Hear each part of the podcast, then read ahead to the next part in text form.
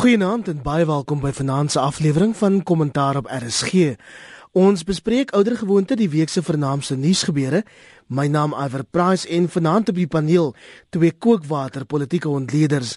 Dis Max de Pre en Theo Venter van die Noordwes Universiteit.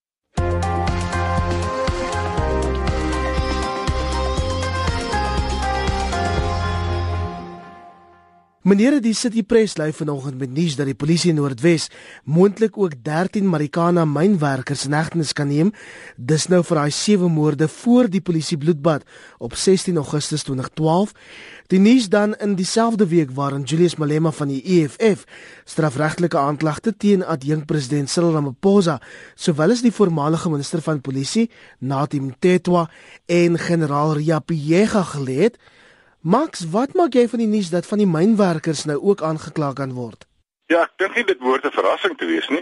Vir die mense wat aktivisties rondom Marikana opgetree het, was dit uh was dit die een ding wat hulle altyd geïgnoreer het.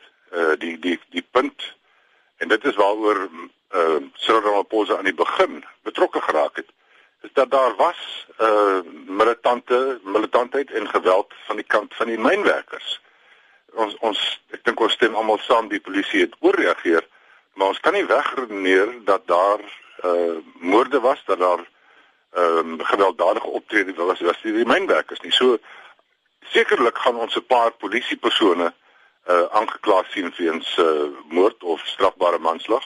En dan is dit net korrek dat uh, mynwerkers uh wat vir die eerste moorde uh, verantwoordelik was ook aangekla moet word. Dit is dit sal net korrek wees dat die reg so werk. Ja, ek stem saam want die verslag as mens nou na die verslag in in in 'n breë perspektief kyk dan dan gaan ek dink nie dit gaan verkeerd wees om te sê ons gaan nog vir jare sit met regsaksies wat voortspruit uit die Farlem kommissie se verslag nie want ehm um, wat die EFF nou gedoen het is eintlik gedoen in antisipasie dat die nasionale vervolgingsgesag waarskynlik nie veel gaan doen ten opsigte van die aanbeveling van die regter dat hulle die saak maar moet ondersoek en kyk na wie moet hulle aankla en wie moet hulle nie aankla nie en dit was eintlik maar 'n verwysing na moontlike kriminele klagte ten opsigte van die polisie se optrede en dis meer.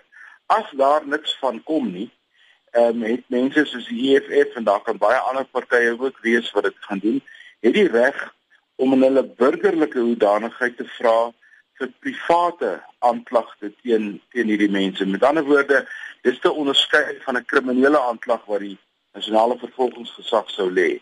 En uh, ek dink die optrede van die polisie teenoor die aktiviste soos Max gesê het, 'n deel van hierdie van hierdie groter proses, maar die interessante ding is as daar private klagtes kom, dan gaan daar op een of ander manier gaan lonmin ook betrek word want dan gaan kompensasie op 'n ander manier gehanteer word as wat mense sou vra vir kompensasie van die staat se kant af wat soos ons weet jare kan neem en waarskynlik nooit gaan gebeur soos wat mense gedink het nie. So die punt wat ek net wil maak is rondom die verslag gaan ons nog vir baie lank regsaksies sien. Ek sou dink dat dat Lonmin is die plek waarheen mense soos Malema hulle moet gaan as hulle namens die werkers en die slagoffers en hulle families wil optree in terme van uh, van skadevergoeding.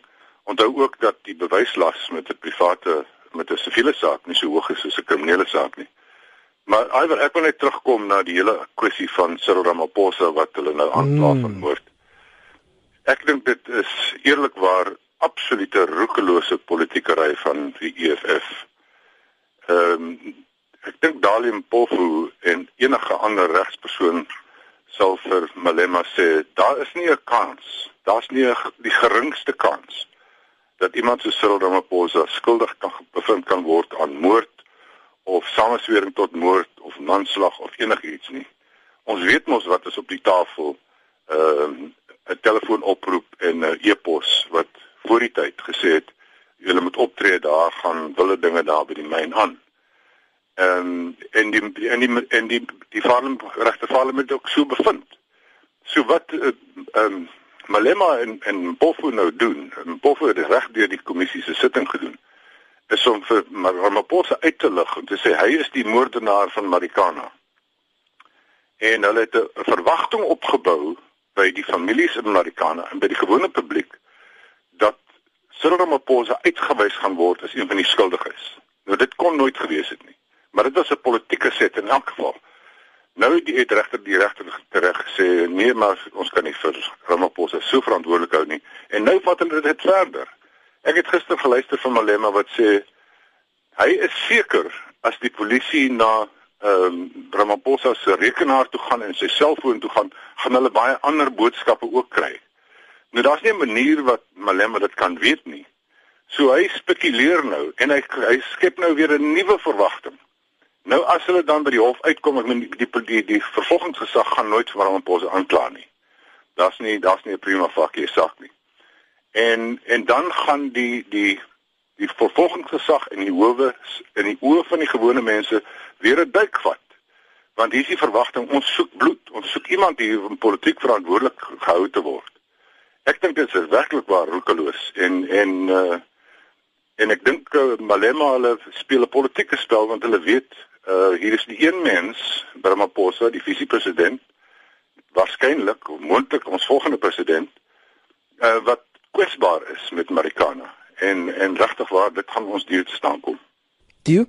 Ja, ek, ek stem ek stem met Max saam. Dit is dit is absolute opportunisme en en 'n paar ander sake hier rondom ook en jy weet iemand soos Dalium Pofu wat onlangs gedurende die Marikana verhoor ehm um, uiteindelik sy ontvang het. Hy is nou SC behoort as 'n as advokaat ook van beter te weet, maar dit lyk vir my soms sit sy politieke hoed in sy uh, regshoed sit bietjie skeef, maar uh, hier is politieke opportunisme.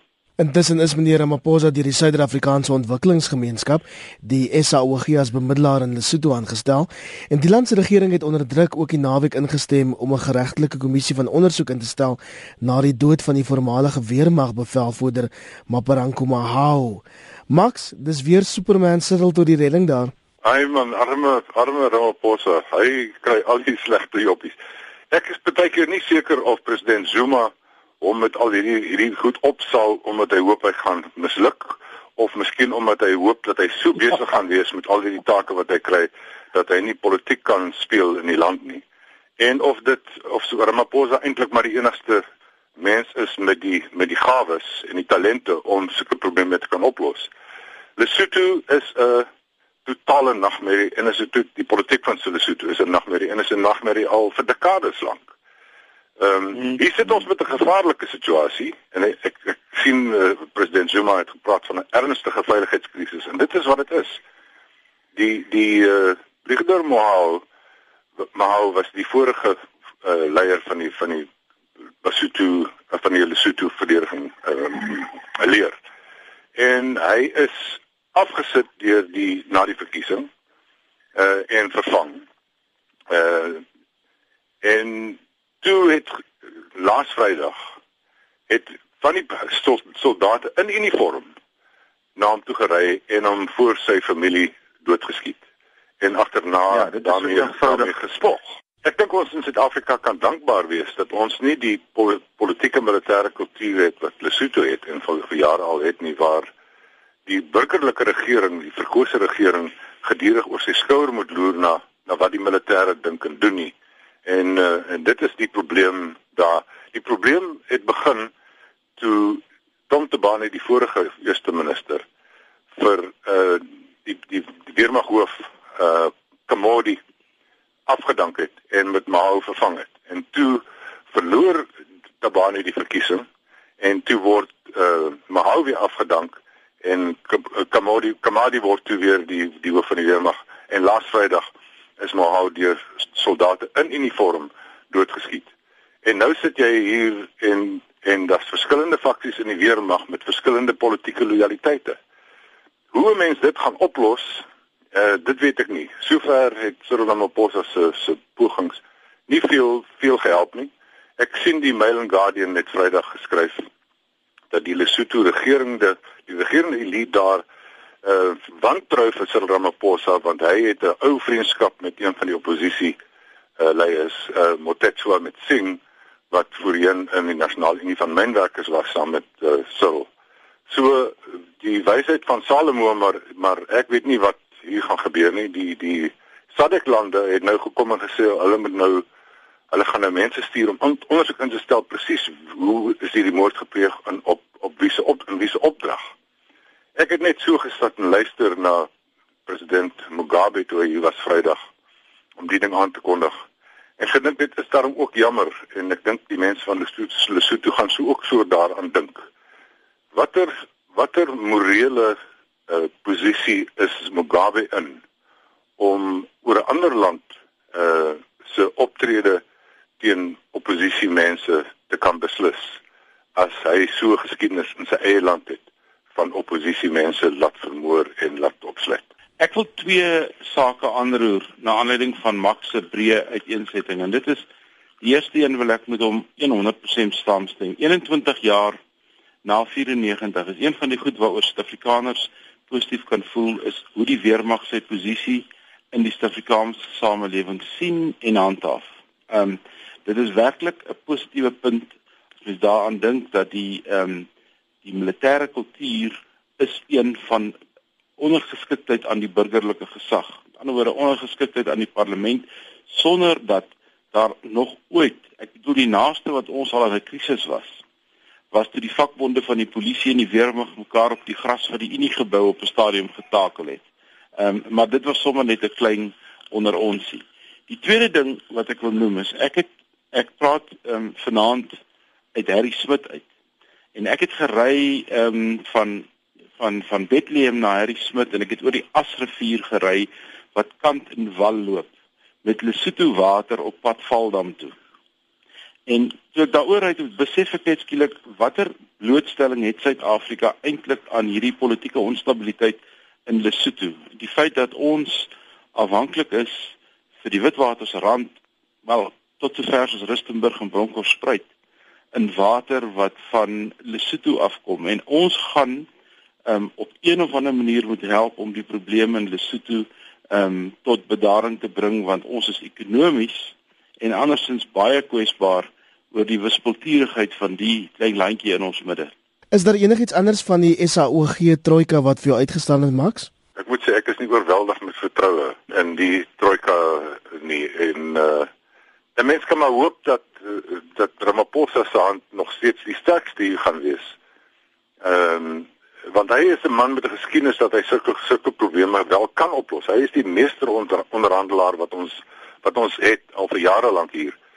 En ek hoop maar dit gaan werk maar ek kan nie sien dat daar 'n oplossing wees op die medium langtermyn 'n oplossing gaan wees as ons nie daarin kan slaag om die politieke en die militêre in in Lesotho te skei van mekaar nie. En hoe ons dit gaan regkry, dit weet ek nou nie. Ons beweeg nou na ander nuus en die Sunday Independent in die hoofberig vanoggend dat die ANC in Limpopo besig is om 'n stadige dood te sterf. Ook soortgelyke berigte hierdie week gesien na Marius Fransman in die Wes-Kaap tot ANC leier vir 'n tweede termyn herverkies is. En toe ek hoor van die DA-lede daar in die Weskaap het toe 'n champagne ontbyt gehou om meneer Fransman se herverkiesing te vier. Wat maak jy daarvan? Ja, ek neem aan dis nou 'n tong in die kies opmerking, maar ek dink tog die die ANC het vir die DA 'n geskenkpakkie gegee met meneer Fransman. Hy is nou werklik waar nie die mees indrukwekkende leier wat die ANC in die Weskaap kon kry nie en ehm um, is 'n is 'n persoon wat uh, wat dikwels ehm um, sy voet en sy mond ehm um, met mekaar verwar. Ehm um, en die die uh, die dilemma, jou eerste vraag is natuurlik iets waarmee die ANC landwyd sit. Ehm um, ek sou sê daar is so 4 provinsies in die land waar die ANC nog met gemak voortgaan met besigheid asof daar niks verander het nie. Dit sou wees in die Vrystaat, dit sou wees in die Noordwes, uh, dit sou wees in die Oos-Kaap tot 'n groot mate en dit is in is in Limpopo. Dis die vier provinsies mens kan miskien Mpumalanga daarby sit. Dis die vier provinsies, vyf provinsies waar die ANC tradisioneel 70, 80 selfs in party gevalle 90% van die steun gekry het.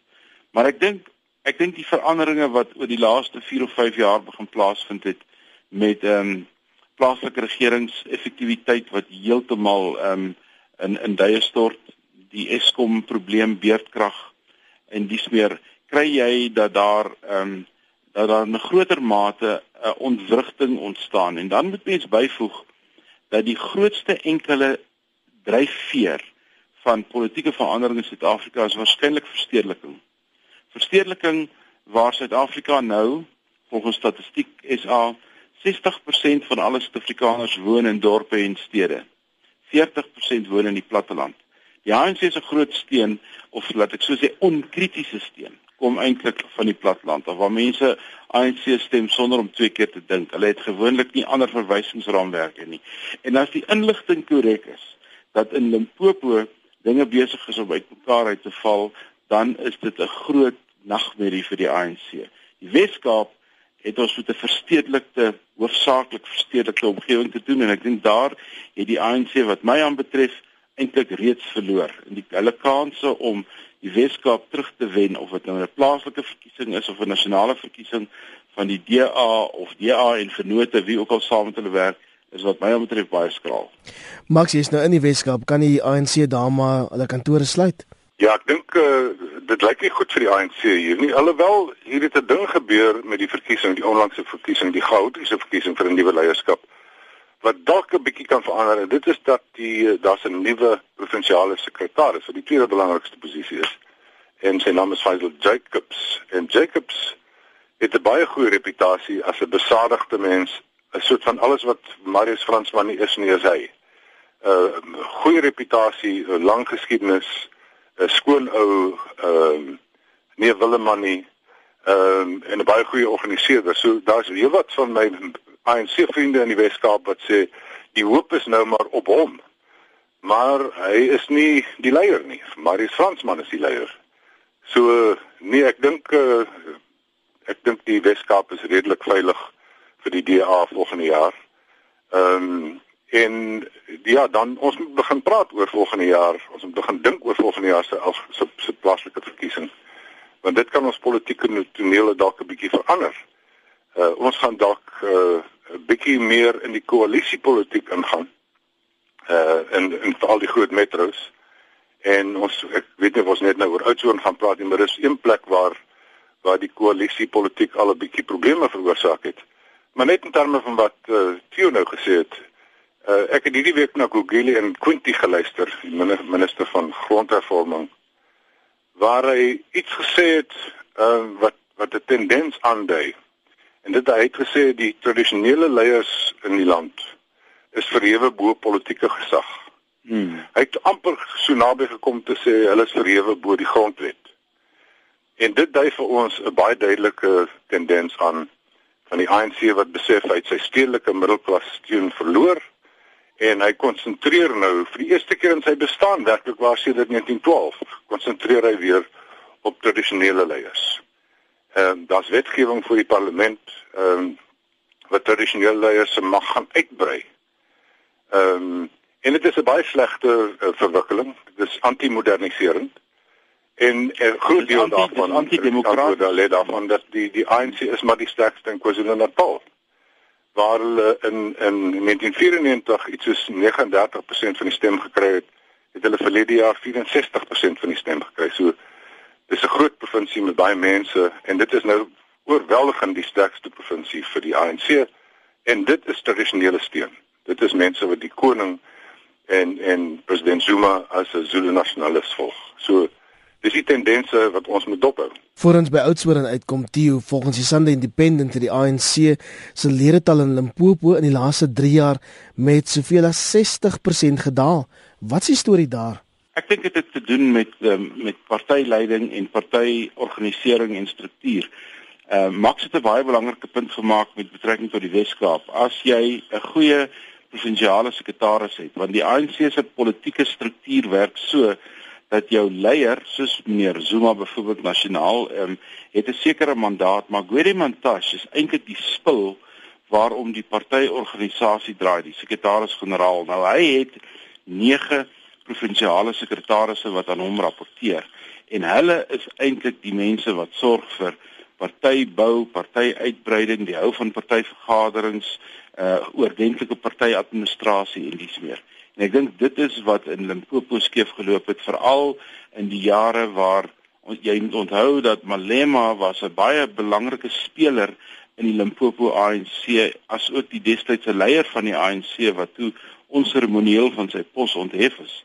En in daardie oorgang uh van die Malema groepering na die die huidige nuwe groepering het hulle het het dink ek het hulle hulle het hulle die administratiewe pap op die grond laat val. En ek dink hulle betaal nou die prys daarvoor. 'n Politieke party is so sterk en so goed nie as die as die uitsprake wat sy leiers maak nie, maar hy is so sterk en so goed as wat sy administrasie is. Die die die die hantering van die dag tot dag werk van 'n politieke party, ehm um, hoe mense lede word, hoe lidmaatskap gehandhaaf word. En ek dink dit word dikwels heeltemal uit die oog verloor. En dit is waar die DA se sterkste punt lê. Dit is 'n geoliede masjien.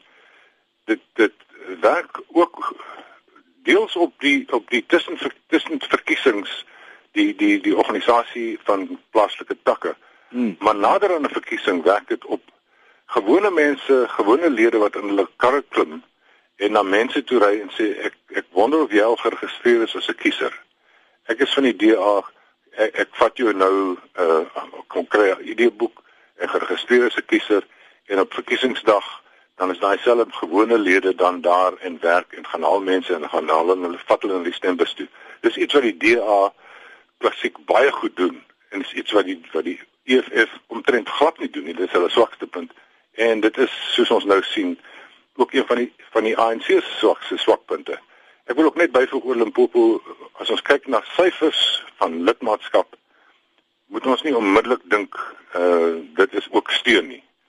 Ehm um, ek dink die EFF het so 'n bietjie van 'n van 'n gevolg daar in Limpopo maar die eh, dit die syfers wat ons in die Sunday Independent sien beteken nie die ANC het die die stryd daai heeltemal verloor nie. Max as ons nog vir 'n oomblik in die Weskaap kan stil staan, groot politieke onstabiliteit nadat die raad van die Oudtshoorn munisipaliteit vir 'n tweede keer hierdie week nie daaraan kon slaag om die middeltermynbegroting goed te keur nie. Dit het toe gelei tot 'n gijslaersdrama van waar van die amptenare in die gebou aangehou is. Wat is die storie daar? Is moeilik om uit te pleis uit 'n Gautengse perspektief kyk, dis moeilik bly selfs al sit jy binne en uit so oudsoorn. oudsoorn is 'n nagmerrie wat aanhou. Hy hou net aan ehm um, letterlik al van vir 2 2 en 'n half jaar hou die nagmerrie in oudsoorn aan en ek dink die mense raak seker sat daarvoor. Ehm um, dit gaan daaroor oor politieke beheer. Daar's 'n alliansie tussen die DA en Cope wat nou meer setels het as die ANC En die ANC en dis iets wat ons moet dop hou, is 'n breër tendens weier om die mag op te gee. En al die partye het nou al van tevore gevra dat die minister, uh, uh, Pravin Gordhan en die plaaslike uh, provinsiale minister Anton Brunel moet ingryp. En hulle het al gesoen toe gegaan en 'n pakket aangebied en gesê dis wat ons gaan doen en almal het dit aanvaar en toe hulle dit daaroor moes stem, toe stem hulle daarteen en sê ons moet eers 'n paar ander goed uitsorteer. En so ons ons het ons is in 'n siklus van konflik ehm um, wat sleg is vir daardie dorp en wat wat miskien is dit 'n goeie ding dat dit gebeur dat ons kan sien wat gebeur as hierdie soort van alliansie politiek as as twee as twee faksies of twee politieke groeperinge amper dieselfde hoeveelheid stemme het as, as, as lede het in 'n raad hoe maklik dit tot tot onstabiliteit kan lei. En ek regtig waar ek dink die minister minister Pravin Gordhan sal hierdie week of volgende week maar net sy voet moet gaan neersit daar en daai plek regryk en hulle het nou nie 'n begroting vir die jaar wat voorlê nie. So dan skielik kan goed nou nie betaal word nie. Uh dit is chaos nou so.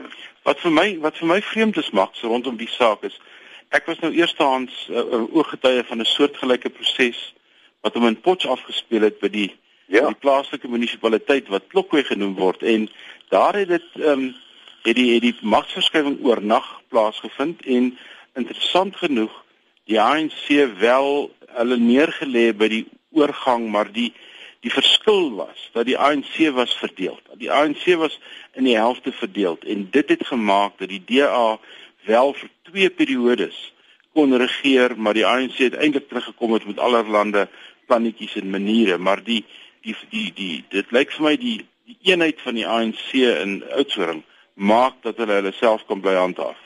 Kollegas, ons beweeg nou na buitelandse nuus en kiesers in Griekeland stem vandag in 'n referendum oor meer besuinigingsmaatreëls in ruil vir verdere internasionale hulp.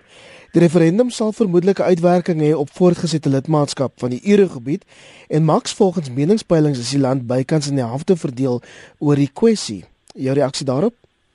Ja, dit is nou on, ons sal later vanaand weet wat die mense van Griekeland besluit het. Uh ek het 'n bietjie van ek hoop hulle het minder van 'n probleem as ek om te verstaan wat beteken 'n nee en wat beteken 'n ja. Die vraag is uh op die op die uh op die stembrief is ontsettend moeilik geformuleer. Dit is 'n lang paragrawe en jy weet nie mooi eintlik waaroor dit gaan nie.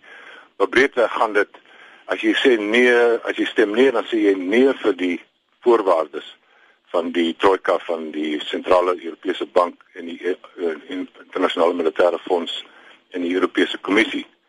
Ehm um, as dit nie gaan wees en dit smaak my uh, hulle hulle groot vergaderings eh uh, protesvergaderings gisterand was die nie uh, groep groter dan is dit 'n bietjie nag vir Griekeland. Hulle banke is klaar toe gaan toe bly. Hulle gesondheidsdiens gaan ineenstort, hulle onderwysstelsel gaan ineenstort. Mense gaan nie betaal kan word nie uh daar gaan kosprobleme wees. Ehm uh, dit gaan half 'n uh, 'n derde wêreldprobleem, 'n derde wêreldland word. Ehm um, dis 'n dis 'n is 'n moeilike kwessie vir gewone mense om te verstaan. Die die die die die bottom line hier is dat die Griekse politici het oor jare en dis 'n probleem wat jare gelede al begin het. Te veel bestee, te min fiskale dissipline toegepas En 'n ander groot probleem daar was dat mense het weggekom deur nie belasting betaal nie. Hulle het 'n slegte belastinginvorderingstelsel gehad. So hier in 2009 al het hulle erken hulle het groot deel wat meer skuld as wat hulle in openbaar toegegee het. En toe het die die die IMF en die Europese Kommissie begin geld leen. En geld leen en uiteindelik het hierdie mense nie die geld spandeer om hulle ekonomie reg te ruk nie maar om ou skuld te betaal en hulle het met hulle ou gewoonte skuld voortgegaan.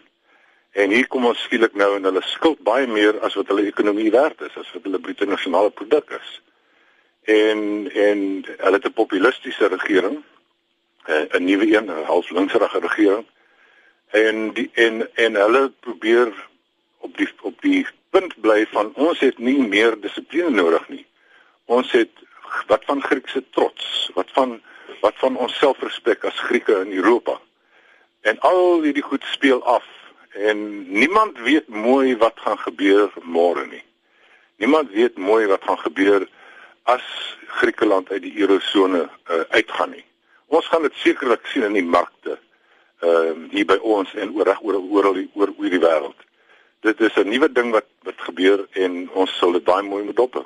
Iwer, ek wil net drie goed sê oor Griekeland. En die een is Uh ja, daar gaan 'n daar gaan 'n uh, impak wees op Suid-Afrika want ons word baie keer in dieselfde lig gesien ten opsigte van 'n uh, groeiende staatsskuld, ehm um, die feit dat daar swak regeringsbeheer is en ons word in die algemeen in die kategorie geplaas. Maar die twee groot probleme met Griekeland en ons sal waarskynlik deur die loop van die nag sal ons die uitslag kry wat ons nou natuurlik nou nie het met die program nie, maar die ehm um, die daar is die Europese Unie het twee kante. Hy die hy die hy die Europese verdrag wat uiteindelik neerslag vind in NAVO en dit is 'n strategiese ooreenkoms van 'n politiek-militêre aard. En dan het hy die Europese Unie wat 'n ooreenkoms is van 'n sosio-ekonomiese aard. Nou dit lyk vir my asof die Grieke het so bietjie chicken gespeel as mens ek weet nie wat Afrikaans vir chicken nie, maar hulle chicken gespeel met veral die Duitsers om te kyk wie gaan eers uitdraai as ons op hierdie pad op mekaar afstuur. En ek dink hulle het hulle vasgeloop in Angela Merkel wat nie 'n oomblik afgewyk het nie en die Grieke moes uitdraai. Nou hou hulle 'n referendum om te kyk of die mense nie 'n ander standpunt wil inneem nie. En die groot vrees in Europa is as die Grieke uit die eurozone uittreë en waarskynlik gaan hulp kry by of die Chinese of die Russe, is dit 'n groot strategiese krisis vir Europa. As hulle aanhou om die Grieke te help, ondersteun hulle die slegte finansiële en ekonomiese gewoontes van Griekeland. Ek dink die Griekse probleem is vir Europa amper net so moeilik as wat die Lesotho probleem vir Suid-Afrika is. Max het vroeër gesê die ja en nee veldtogte is so verwarrend. Van die ontleeders sê nou 'n uitslag wat byna gelykop is en dit lyk ook glo na realiteit. Dit sal dan tot verdere verwarring en verdeeldheid lei. En dan die vraag is ook sê nou maar die nee kant verloor. Dan gaan die eerste minister Tsipras moet bedank. Dan gaan hulle 'n nuwe verkiesing moet hou. Ek dink nie hulle het geld om 'n nuwe verkiesing te hou nie. Ehm um, hulle het al plan uh, baie miljoene spandeer om die om die referendum te hou. So die kant toe of daai kant toe, daar is eh, 'n uh, groot probleem. Ehm um, en en ja, eh, wat jy genoem het is skielik is daar 'n fluistering die laaste paar dae van gaan Rusland of China of Rusland en China dalk hier 'n strategiese skuif maak om te gaan uithelp en dan is die knippel in die duiwelhok. Kollegas, dis alwaarvoor ons tyd het vanaand op kommentaar, 'n verdere ontleding en hopelik ook die eerste uitslae van hierdie Griekse referendum dan môreoggend tussen 6 en 8 op Monitor saam met my en Anita Visser. Baie dankie. Max de Pre, lekker aan verder. Dankie, goeienaand. En ook Theo Venter van die Noordwes Universiteit. Lekker aan. Dankie Theo. Goeienaand almal. My naam is Iver Price, dan geskakel vir finansiële fokus.